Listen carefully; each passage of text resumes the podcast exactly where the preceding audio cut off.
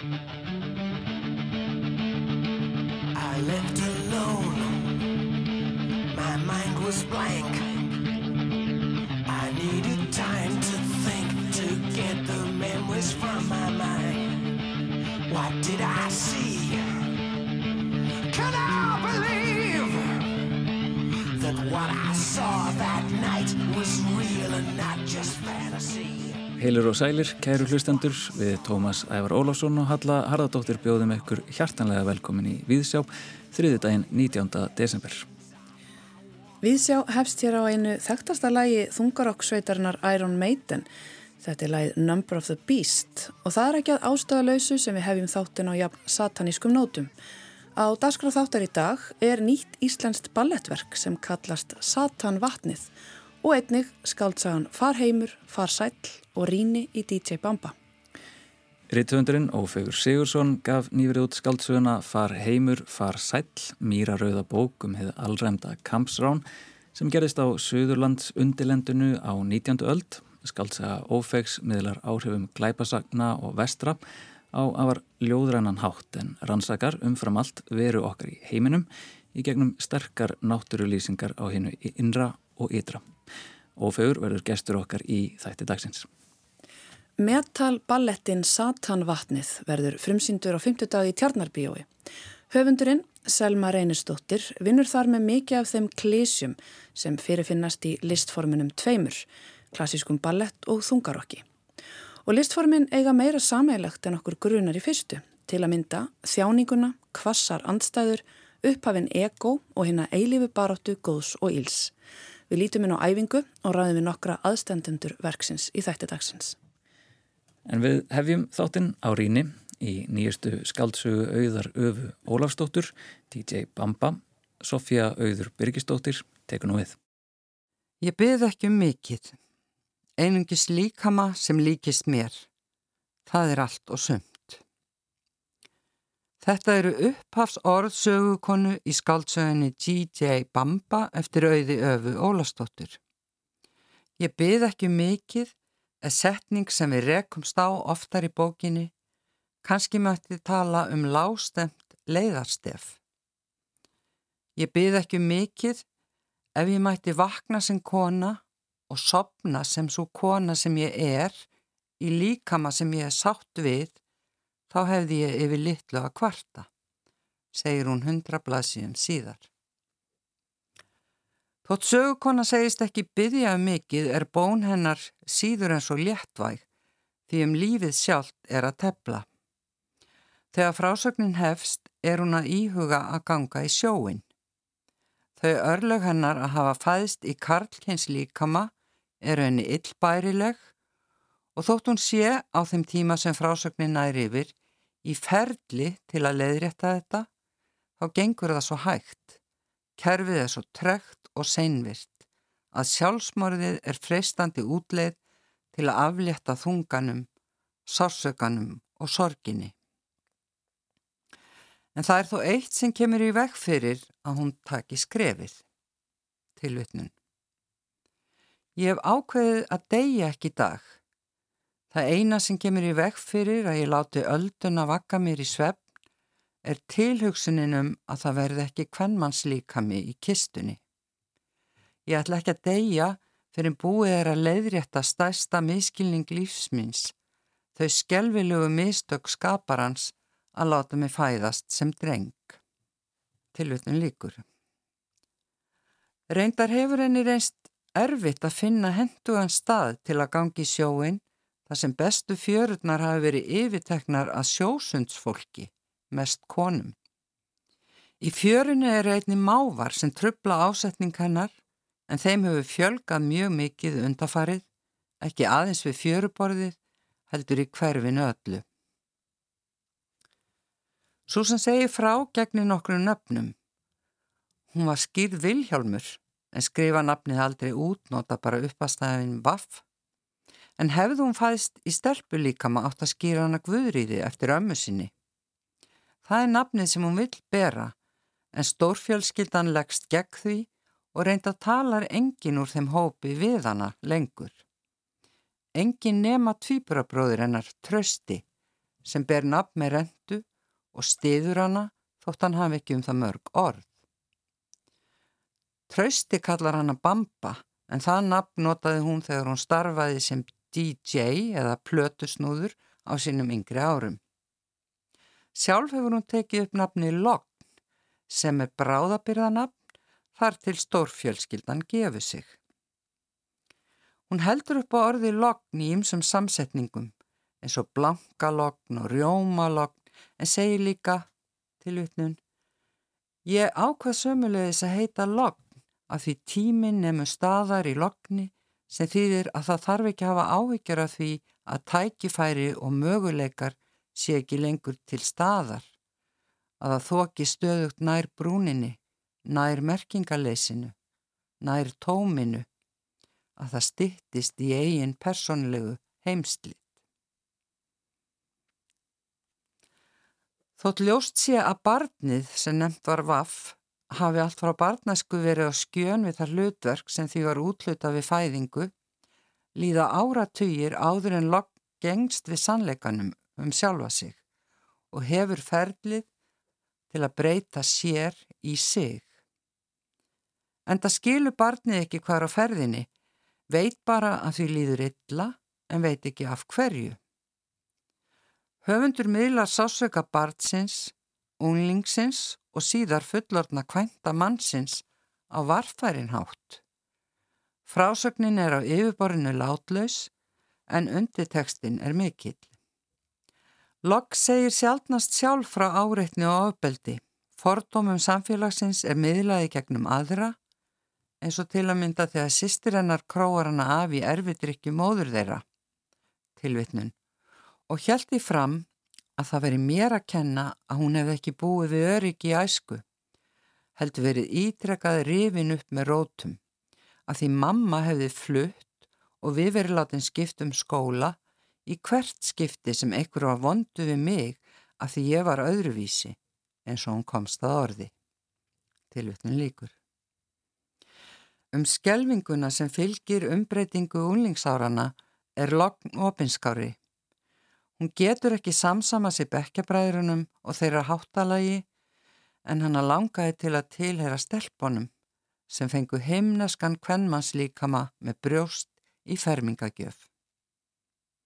Meðan hún býður eftir því að þær samþykki sig er hún sátt við að vera köllu stelpustrákur og að setið sér fyrir henni á leið heim úr skóla. En þrýstingur umhverfisins er of mikill, svo hún tekur meðvitaða ákvörðun um að reyna að falla því hlutverki sem samfélagi vill að hún gegni. Ég átti mér leindamál sem ég gati ekki deilt með neinum, segir hún, sem enginn mátti vita Ég þreyfaði eftir kennileitum en fann engin, það voru engar fyrirmyndir sem ég gætt hort til, bara furðufuglar, karlmenn í kvennmasfötum sem gert var grínað.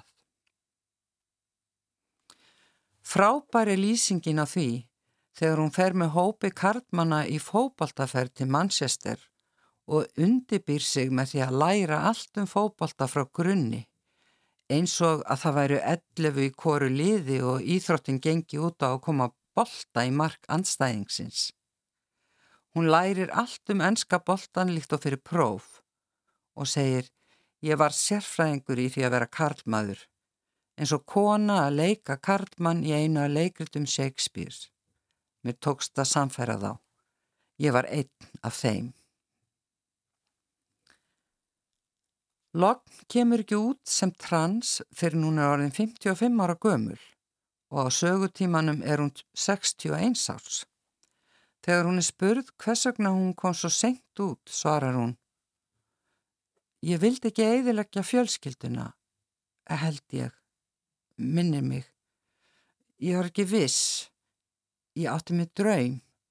Það reyndist risavaksi verkefni, svo ég frestaði því. Þegar maður eignar sparn, fresta maður hlutum. Þá er allt í bráðabyrða. Þá tekur kona einn dag í einu. Þá gerir maður ekki áform fyrir sjálfa sig. Þá tjaldar hún til einnar nætur í einu. Hér í upphafi nefndi ég mávagerið sem er stöðugt á sveimi í frásögninni. Ef orð sögukonu um að hún byrji ekki um mikið hljóma sem lástemt leiðarstef frásagnarinnar má segja að mávageri myndi andstæðina, hávært og frekjulegt stef. Húsverður blokkarinnar sem býr í útskýrir fyrir henni að máfum væri skipt í tvo hópa, litla máfa eins og hettumáf og stóra máfa eins og svartbakk, hvítmáf og sílamáf. Og hann sæði að það veri fyrst og fremst sílamáfar og hettumáfar sem hefði valdi íbúanum marskis ónæði með gargi síni og stöðugum flugæfingum við blokkina. Ef ykkur reyndi að appast upp á þá eða færi inn á það sem þeir teldu sitt yfirraðasvæði, nýtu þeir hópvendar sem kom heim og saman við sögur að aukinni árasagirni þeirra. Tilvötnum líkur. Mávarnir þrýfast meðal annars á úrgangi mannsins, útskýrir húsverðurinn líka og strax á þriðju síðu bókarinnar má lesa, tilvötnum, Svo virði sem mávarnir sé að verða sífælt árásagjarnari og láti sér ekki lengur næja ruslatunnur í leita æti, heldur hik ekki við að steipa sér niður og ráðast á fólk þegar það kemur heim með yngöpapoka úr kjörbúðinni. Raunum að segja að Facebook síða íbúa blokkarinnar sé undirlöð reynslusögum að ágengum máum sem drít út um allt eru með læti auk þessum garg þeirra trublar sveppfrið íbúa á nóttunni. Einn íbúana líkti garginu við svangt unga bart sem grætur, annar við útburðarvæl. Það er þó fleiri en íbúar nistu höfuborgar í heimi sem eigi stríði við fugglana því það er ekki langt síðan ég rakst á frétt á netinu um innrás þúsund máfa í Róm. Eitt þeirra mun hafa ráðist á friðardúfu sem Frans Páfi ætlaði að sleppa á Pétustorki og náði að reyta af henni stjelfjæðirinnar svo henni fataðist flugið en komst á endanum löskuð undan. Tilvitnun líkur. Það er varla langsótt tólkun að mávagerið sér tákmynd höfundar fyrir það bakslag sem við höfum orðið vittni að í baratu hins eginn fólks og transfólks fyrir tilverurétti sínum þar sem þeir sem harðast ganga fram yfka sitt garg á samfélagsmiðlum. Það garg er sífælt að vera háværara í katholskum löndum í Evrópu og líklega engin tilviljun að auður talar um árás á fríðardúuna á Pétustorki. Sjálf segir Logg að á leiði sínu megi alveg standa marmara dúa þegar þar að kemur. Sofía Auður Byrgistóttir rindi hér í DJ Bamba eftir auði öfu Ólafstóttur.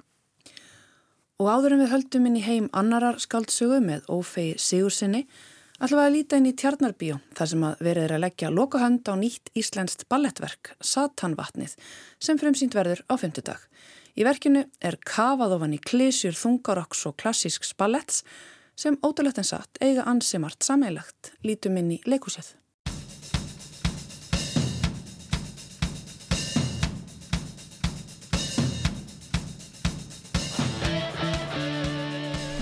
Ég heiti Sjálfur Einistóttir og er listræðin stjórnandi Satanvatsins. Ég heiti Þúrdís Nadja Semisjátt og ég er dramatúrk Satanvatsins. Ég heiti Katrin Helga Andristóttir og ég er tónlistastjóri Satanvatsins.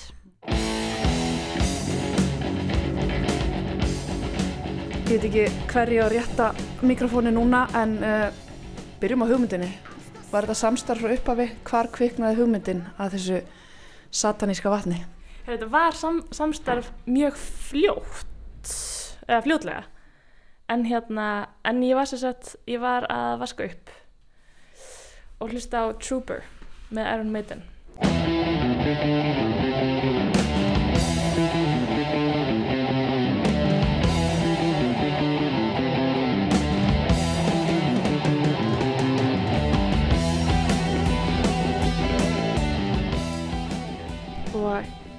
Fór að taka nokkuð góð ballettspor við þetta og passaði bara helviti vel. Og hérna uh, og þaðan byrjaði þetta. Og ég fór bara strax að senda át fyrirspurnir á fólk sem að ég var spennt að vinna með. Uh, sendi meðal annars á Katrínu Helgu. Og þá var sko vinnutitillin var eitthvað svona ótrúlega banal og eitthvað helvíti brennur eitthvað svona, já, en hérna og Katrín svaraði bara snilt en hvað með satanvatnið það er bara steinlega þetta Katrín, hvernig kynnti Selma þessa hugmynd fyrir þér? Hvernig var símtalið? Ó, það er svo langt síðan. Ég, e-mail, það var mjög já, já, það var e-mail, ég held það, einmitt, ég var sko búin að gleyma því, en þetta var e-mail.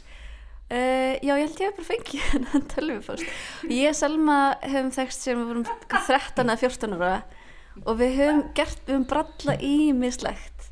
Þannig að um leið og ég fekk tölvufóst frá Selmu þá var ég bara já, þetta, þú veist, Selma fær skrýtnastu hugmyndir sem ég kemst í kynni við og maður segir bara já, af því að maður veit að það verður snilt.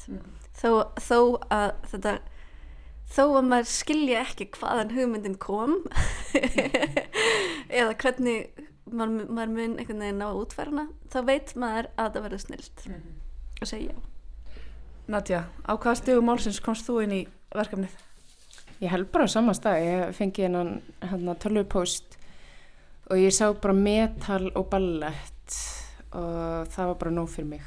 Ég sagði bara já, strax. Mér finnst það bara geggja og er gaman að vinna með svona anstæður sem er ekkert svo miklar anstæður séðan þegar við fórum að vinna meira í verkinu. Það er alveg meira, uh, þú veist, metal og ballett eiga alveg margt sameiglegt líka. Þannig að, já.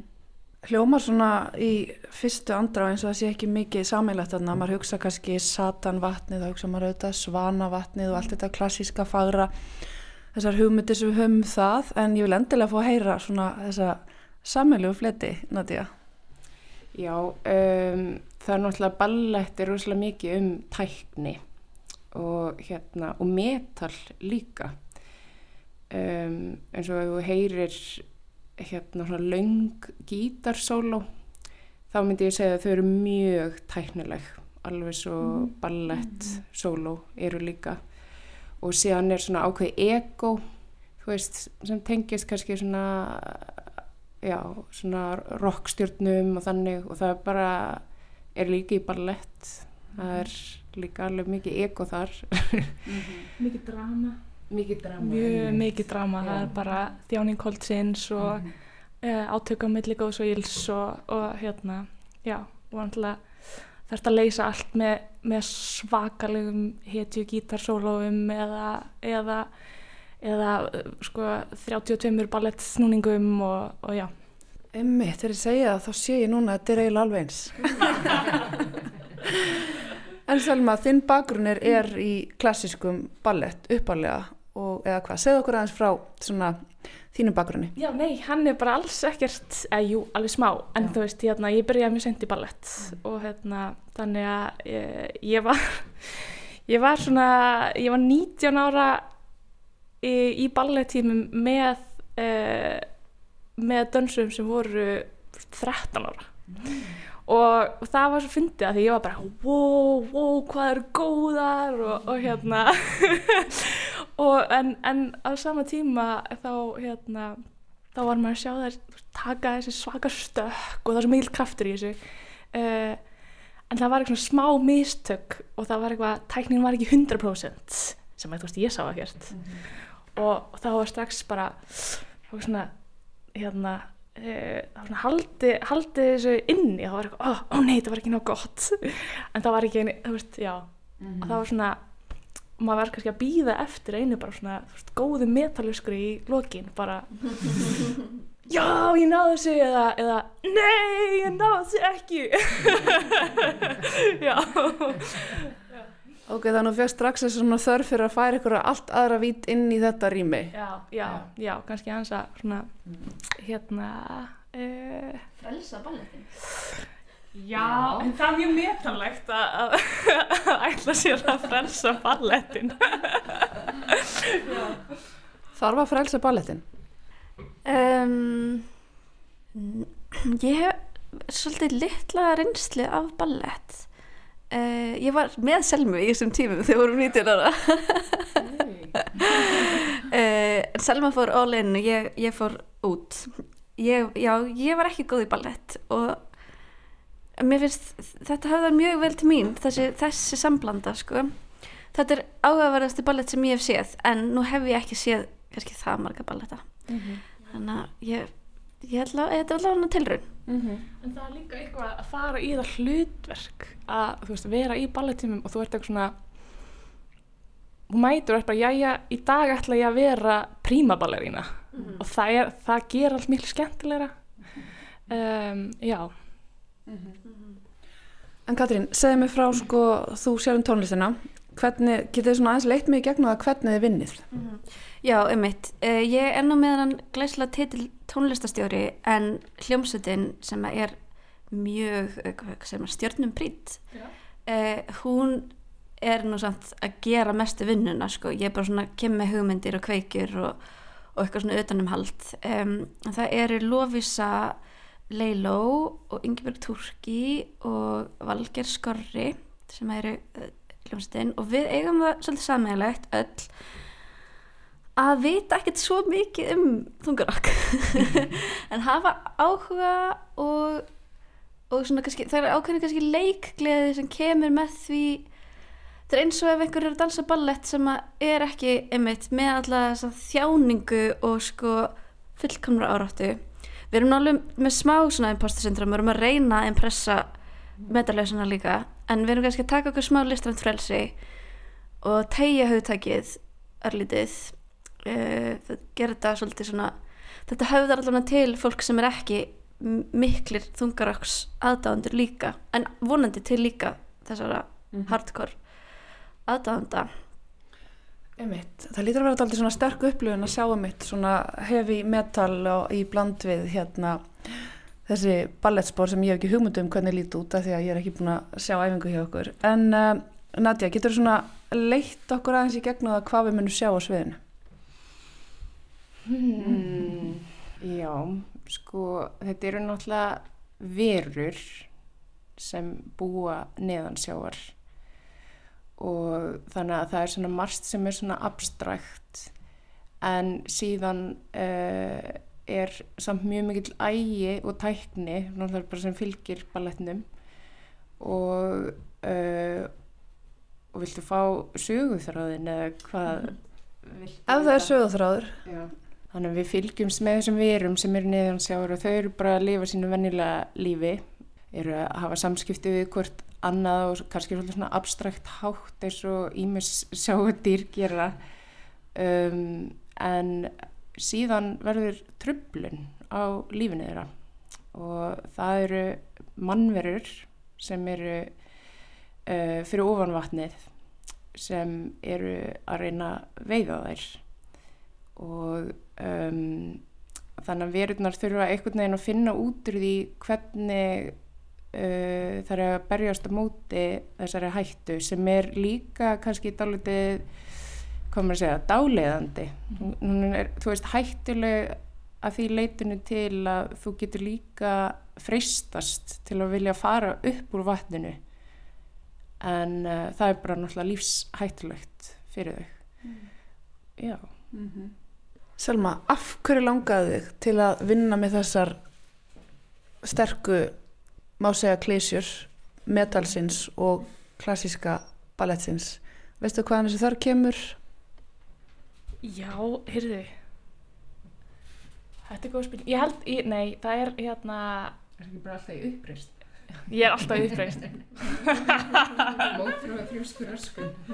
Mótþró og þrjóskur öskun, er það? en nei, en ég held að það sé að því að sko bæði listform þau, þau gefa tækifæri á um, á hérna stórum búningum, stórum tjáningum, er þetta að vinna mjög náið bæði með dans og tónlist ég finnst mjög skemmtilegt og hérna og alls konar svona skemmtileg gimmick og, og þú fær líka líka með að vera með sögurþráðu sviði og svo leiðist þannig að ég held að, að hérna þetta hafa heitla mér svona hvað hva mest og það geta verið með satanísk þemu sem er, sem er gott já. Eitthvað í stað viðeigandi svona rétt fyrir jólaháttíðina. Já, Já. hérna mjög djúsi og, og hérna ég held að það sé mjög holdt fyrir mjög marga að hérna, þú veist, þeim var búin að gegn sósa sig í pipakökum og það þurfa að vera hressum jólin alltaf að aðeins að hérna, fá smá útrás og, og hérna og kíkja á metalballett Já, Fá smá svona sataníska ströyma. Já. Um, Katrín, þið ætlaði að fremsýna núna bara eftir tvo daga á myrkasta degi ársins, það er viðegandi. Já, við ætlum að uh, ég veit ekki hvort ég geti sett lýsa upp skandið en við ætlum að hérna, gera það áhugavert þetta verður, þetta verður sjónarspil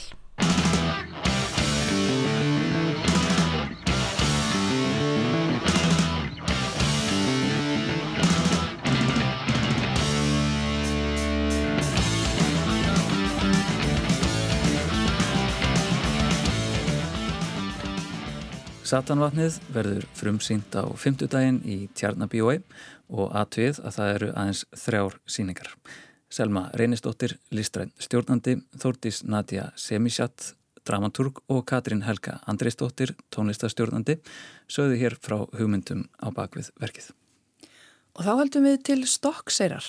Ófegur Sigursson rannsakar kampsaránið í nýri skáldsögu sinni Far heimur, far sæl.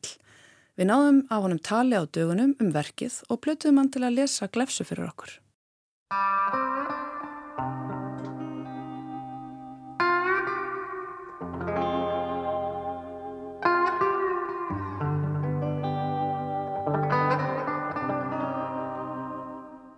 Heim.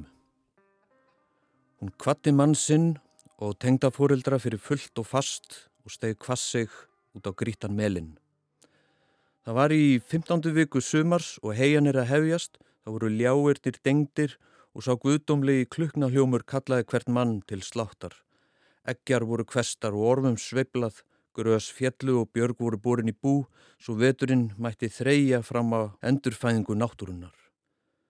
Það var um sjálfan hábjargræðistíman sem þurriður axlaði bakpoka sinn sem var að þeirri gerð er síðar var hafður til útilegu og fekk heitið sekkur.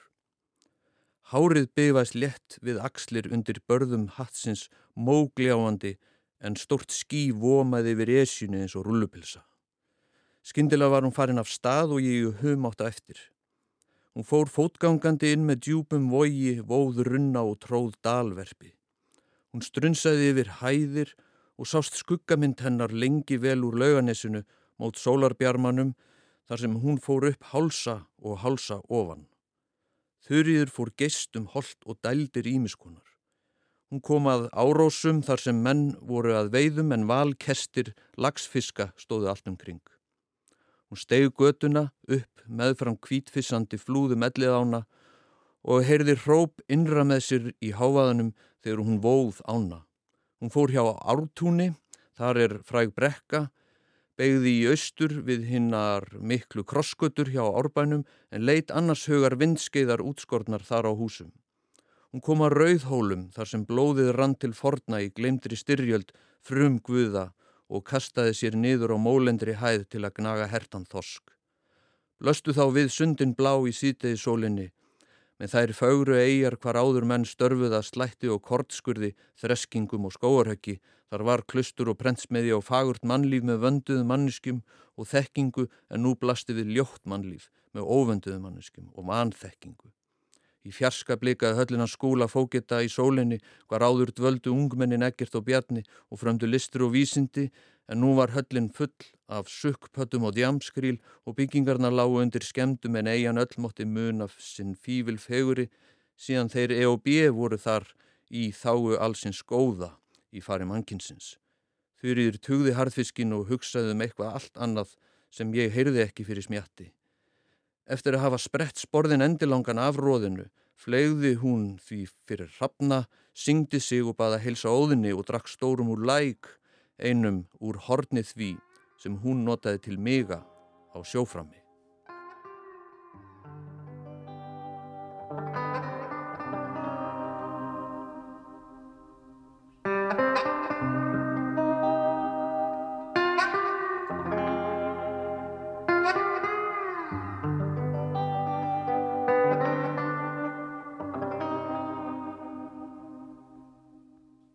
Ófegur Sigursson velkomin í Víðsjá. Kæra þakkir. Og eh, til hamingi með bókina Far heimur, far sæl.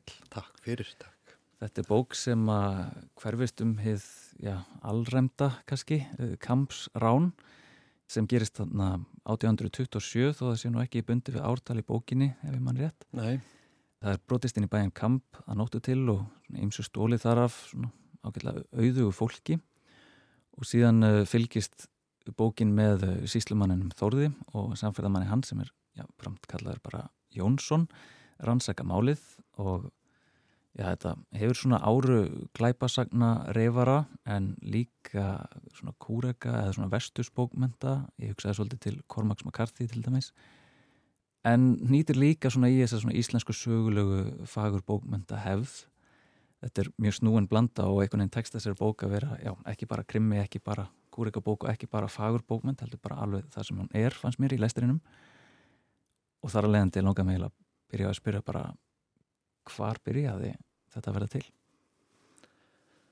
Þetta byrjaði bara fyrir löngu síðan sko í bara grúski og, og skemmtun við að lesa þjóðlegan fróðuleik og ég er mikill aðdáðandi þjóðleiks fróðuleiks og um, horfina starfsætta og, og hátta og svona horfnum munum og, og, og horfinu veröld. Og það byrjaði nú bara eiginlega þar. Mm -hmm. og mér dætti í huga að skrifa um þetta kampsrán fyrir löngu síðan og þetta bara vannst svona vatt upp á sig og um, í rauninni fjallarbókin í rauninni bara á yfirborðinu um sjálft kampsránið. Um, og það er eiginlega bara svona grindin eða skilin og svo er, sko, það er bók undir bókinni, það er að segja, það er saga undir sögunni. Ég hef meira litið á það sem bara eiginlega sálfræðilega stúdíu á, eða á stúdíu á sálarlífi síslumannsins, Þórað Sveinbjörnarssonar, sem að kemur hérna nýr inn í sísluna, þar sem að e, allt er í ringulreið og það er þessi svo kallega óöld, þar sem að glæpir fá að þrýfast og, og heilt samfélag er í greipum meðvirkninar og hann sem sagt kemur þarna inn og sér að það er bara er allt í ruggli í árni síslu og, og, og vil fara bara að reynsa þarna til bara og gera allserjar reynsun í síslunu og gera hana stórkoslega á ný síðan á meðan hann er að bjarga heiminum og þá sittur heimilið eftir hann gleymir að sinna heimilinu á, öllu þessu útstáðulsi að reynsa til í samfélaginu. Og uh, ég sá hérna í, í svona kynningarefni eða viðtali hérna í aðranda að uh, þú, þú talaði svolítið um Texas að, að þú hefur ferðast ánga og, og, og þar hefði svona runnið upp fyrir þér ákveðin, ákveðin tengsl uh, þessari tvekja heima svona amerísku slettunar og, og íslensku, já svona sögulegu bókmyndarinnar kannski hvað gerist hann í Texas? Já, það var bara himinin og, og um, þar sem að ég sá svona samsörun með himnunum yfir, yfir flóanum og þar að segja hvernig er hægt að lýsa landslægi sem að er bara slétt. Og þú myndist á Kormáfana Karþi á þann að það er vel aðtöða að hérna leiði áhrifum frá honum að, að streyma inn þar að segja að vera með ítarlegar náttúrulýsingar og náttúrulýsingar og landslæslýsingar sem að verða í rauninni personlýsingar. Mm. Það er að segja geta líst personu í gegnum eh, landið sem hún býr í mm. og, og svona og þetta þróaðist með því til dæmis eins og að um, í rauninni eru landslagslýsingarnar í flóanum, maður verður að búa til sitt eigi landslag í skáldsugum Það er að segja að það er ekki að nota þetta sem leiðavísi um flóan, þar ef þú ætlar að finna þetta landslag sem er, er líst, það, þú múnt ekki finna það, ekki með góðu móti, því þetta er svona að reyna að, að, að lýsa jafnvel líka landslæginu sem er, sko, eða náttúrunni sem er eh, inn í náttúrunni, eða frumspíkilega náttúru, landslægi sem er horfið, það er horfið í framræslu mýra og það er landslag undir Selfossi sem er ekki lengur til þannig að það var svona ákveðin kveikja og fyrir utan það þá er náttúrulega uh, er þetta eins konar drauma landslag vegna þess að sjáandin eða lýsandin á landinu og mannlífinu er ekki þessa heims. Mm -hmm. Einmitt. Og um, kannski fyrir forvinnisækir, uh, uh, hvar varst við í Texas? Já, rétt fyrir utan Dallas, þar sem að hérna, óljan fannst fyrst í Texas. Ég var þar bara í residensju í, í mánuð fyrir nokkrum árum mm og þar svona uh, kviknaði lausnin að þessu hvernig ég gæti mögulega líst þessum heimi. Þetta er, já, einmitt grind skaldsunar er, er söguleg en eins og segir þetta, það er al, algjör tilfinning fyrir einmitt að þetta er, þetta er mjög, mjög marglaga frásagnir fannst mér uh, blandast þannig uh, innan þessar grindur um, það er mjög rík tilfinning fyrir heimildavinnu í læsturinnum þó svo svona skaldskapurinn komi inn og ráðskist svolítið með þessar heimildir mjög frjál, frjálslega. Og ég reyndar ekki kynnt mér uh, þessa stóru og skemmtileg bók hans uh, Brynjúls Jónssonar uh, sagan af þurriði formanni og Kambráns mönnum sem er, sem er oft nefndi í, í tengslum þetta, þetta rán og, og þeikir mjög góð þannig að já, ég kannski skildi ekki alveg hvar hefði skáldaða lág og hefði alveg sögulega heimildin lág svona hvað hafður að leiðaljósi til þess að greina þar á milli í þessari bók? Ég fann það sko þegar ég las Brynjúlf lengur síðan og þarna er þetta stórkoslega efni sem hann hefur gert svo uh, góð skil í þessari bók sem að sumur vilja bara kalla fullkomna bók bara um þetta mál og það þurfum ekkert að, að, hérna, að ræða það neitt frekar. En uh, ég, ég leiði með að fara inn fyrir uh, eða það er að segja að ég fór í uh, heimildirnar sem að Brynjúlur hafi fyrir og þegar ég hafi nú ekki hitt þurrið formann. En ég sem sagt lá uh, lengi í, í dó, dómabókum og þingbókunum þar sem að allar yfirheyslunar yfir um, fjöldamanns eru skrifaður upp og þetta eru uh, mér reiknaðist 2000 blaðsýður af yfirheyslum rituðum í fljótaskrift og bísna seinleysið en það var þarna sem að ég fann hennan tón í rannsókninni sko, mm. og, og, og þessi samtalsform Einmitt. Hún er einmitt, uh, þessi tótn er einmitt afar, afar sterkur í þessari bók uh, og þessi magnaða persóna þurriður formaður er staðans til að segja mér hver hún er?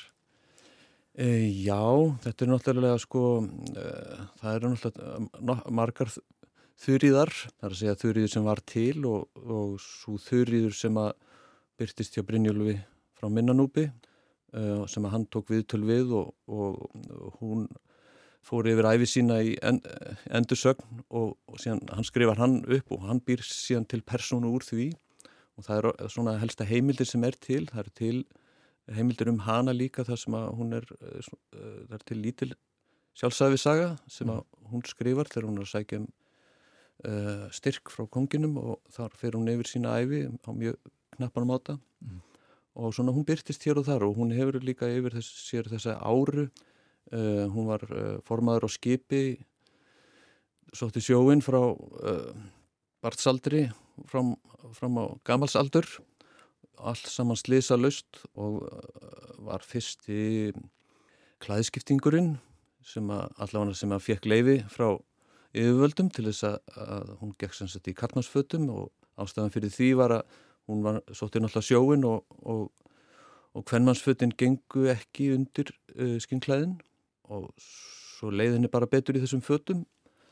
Og hún fekk leiði til þess að ganga með pípu og hatt og í frakkaðið bara óbuksum og, og var fyrir miklu áreiti og ja, það sem þetta heitir bara eineldi og árósum og ég sem sagt reyna að lýsa eða búa til þá personu bara í gegnum uh, landslæði sem hún býr í. Það er til að mynda kaplið þar sem að hún lappar, gengur frá lauganissi og uh, yfir í flóan og það er í rauninni ekkert um hana sem personu nema sem manniski í, í náttúrunni og landslæðinu og ég gekk þessa leið sjálfur og uh, þannig ég fettaði hennar fótspor og reyndi svona að sittja mig inn í þetta. Og svo, já, og svo er hún líka frumkvöðl á uh, espresso drikki uh, espresso kaffisins á, á Íslandi. Þannig að hún var kaffimanniska og, og vildi hafa það uh, heitt lítið fljótt og stert þannig að það væri tilvalið að opna uh, espresso bar á Stokkseri þurriður espresso bar, getið að netið Já, ég, ég var til að segja það. Já, ég manni mitt, espressoan fyrir ekkit sérstaklega vel í uh, tvo, tvo menn sem hún hittir þannig á, á heiðinni.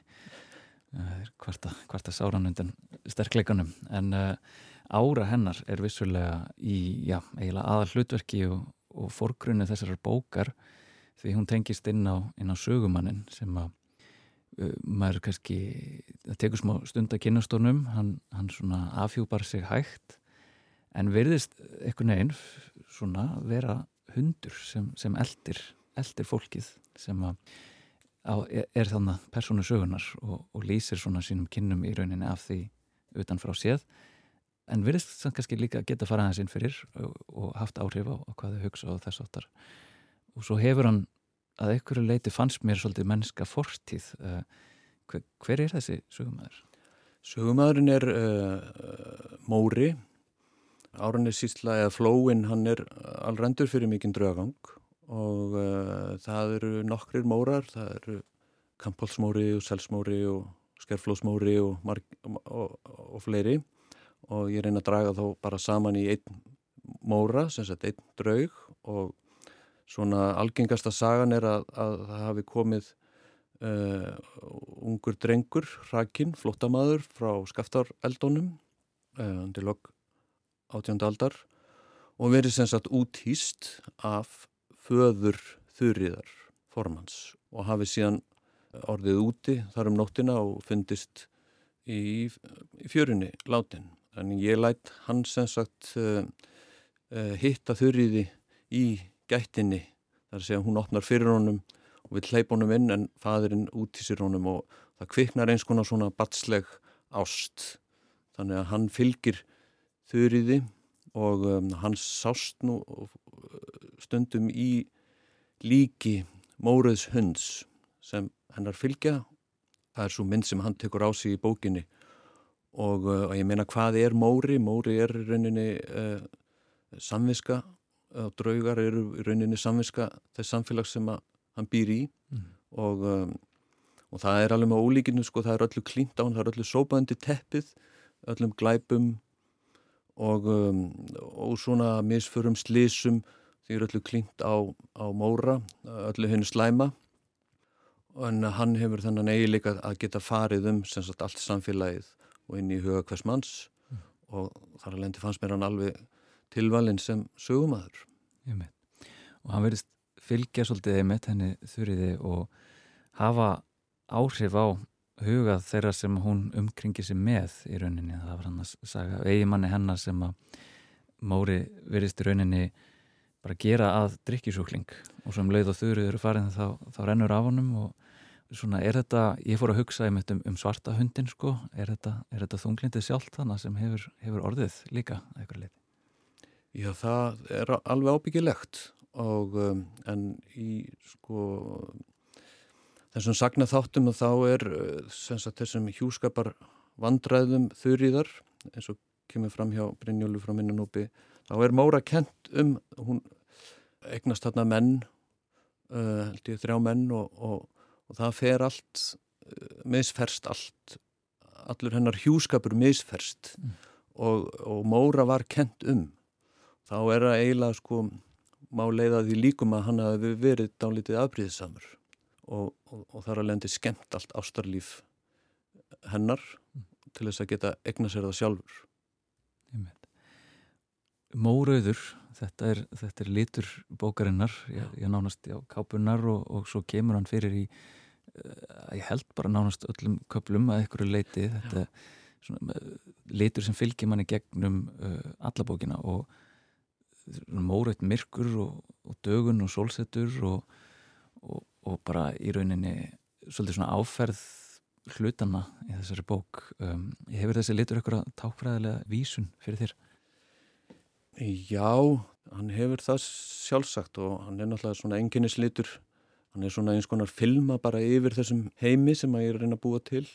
Og um, mórin er uh, bæði þá uh, sko andlega og hann er líka jörðin, mór er var elsniti þessa tíma meðal annars. Og allt, þetta var alltaf bara í þessum lit þegar ég sá þennan heim fyrir mér. Þá er þetta bara og, og líka eins og séð í gegnum draum og í gegnum uh, úr handanveruleikanum sem að bókin er sögð úr handanveruleika og þá tekur þetta allt á sig þennan lit þegar að efnisheiminum er líst mm -hmm. Og uh, ef við förum aðeins út í sko, samfélagið þetta er svona, svona nánast, þetta er svona nálgast kannski eins konar ádelu, þetta er mikil stjætskipting sem þannig er líst og uh, ránsmenn og útilegu fólk og síðan heldra fólk, auðugt fólk uh, og yfirvaldið Þórður sem rannsaka málið síslimaður, hann náttúrulega þjónar hagsmunum þeirra, þeirra ríkari og uh, þeir sem einmitt af, afbróta mennuru sem er sendir síðan í Raspúsið í, í, í Danmarku, Kaupmannahöfn til þess að einmitt framlega rauðan lit Jú. og uh, ég fór að velta fyrir mér svona uh, þegar þú fer að nálgast kannski, já, skrifin á þessu verki og ert að gera heimildavinnuna að, að skrifum þetta rán fylgir samfélagsádilan með sem einhvers konar, já, fylgi kvilli eða, eða var hún meiri kannski svona stefna að skoða samfélagið en, en nýta ránið sem sögur þráð Nei, ég, sko, ég er ekki einn af þeim sem að eh, segja að það er svo hræðilegt að búa í torfbæ og þetta hefur allt verið svo skítut og ógæslegt en það er bara, eh, það er, ég finn ekki heimildirnar fyrir því. Mér, ég held að þetta hefur bara verið indislegt að búa í, í litlu koti og torfbæð og svo kvöldu moldarkofum og þannig að um, uh, þetta hafi bara verið allt öðruvísi. Við erum svolítið svona að við lýsum alltaf fortíðinni sem réttlætingu á því hvað við höfum það gott sko. mm. og, og flestu svona gömlu heimildinar um torpaðinu þær eru þarna frá upp aðið 20. aldar og þegar við erum komin inn í nútíman og verðum að skilja við gamla og, en þegar nútímin var ekki komin og, og það þekktist ekkert annað ég hérna hvíði því ekkert endilega við þurfum að skrýða aftur ofan í moldrakofana til þess að standa við skuldbyndingar okkar. Við hérna loft, loftlagshamfurunum sko þannig að ég sé ekki það sem neina neitt ræðilegt Ég held að það séu góð lokar orða sinni Ófegur Sigursson Takk kjælega fyrir spjallið. Kjælega takk fyrir mig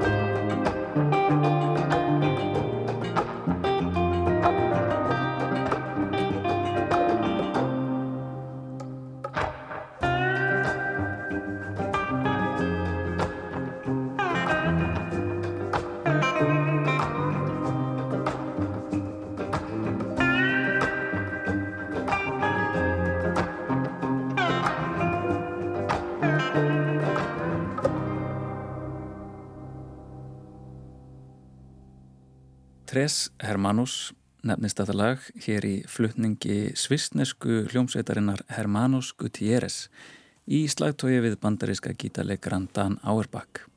Ófegur Sigursson hvaðist hafa haft þetta meðal annars í eironum við skrif sín á Farheimur Farsæl. Og þar með er komið að lókum hjá okkur í dag. Við sjá verður hér aftur á morgun og allum stundum og allt það. Við ljúkum þættunum á hljómsveit dagsins, höldum áfram á kannski satanískum nótum. Þetta er Iron Maiden og lagið Fear of the Dark. I am a man who walks alone when I'm walking a dark road. At night I'm strolling through the park. When the light begins to fade, sometimes feel a little strange, a little anxious when it's dark. Fear of the dark. Fear of the dark. I have a constant fear that something's always near. Fear of the dark. You. Fear of the dark.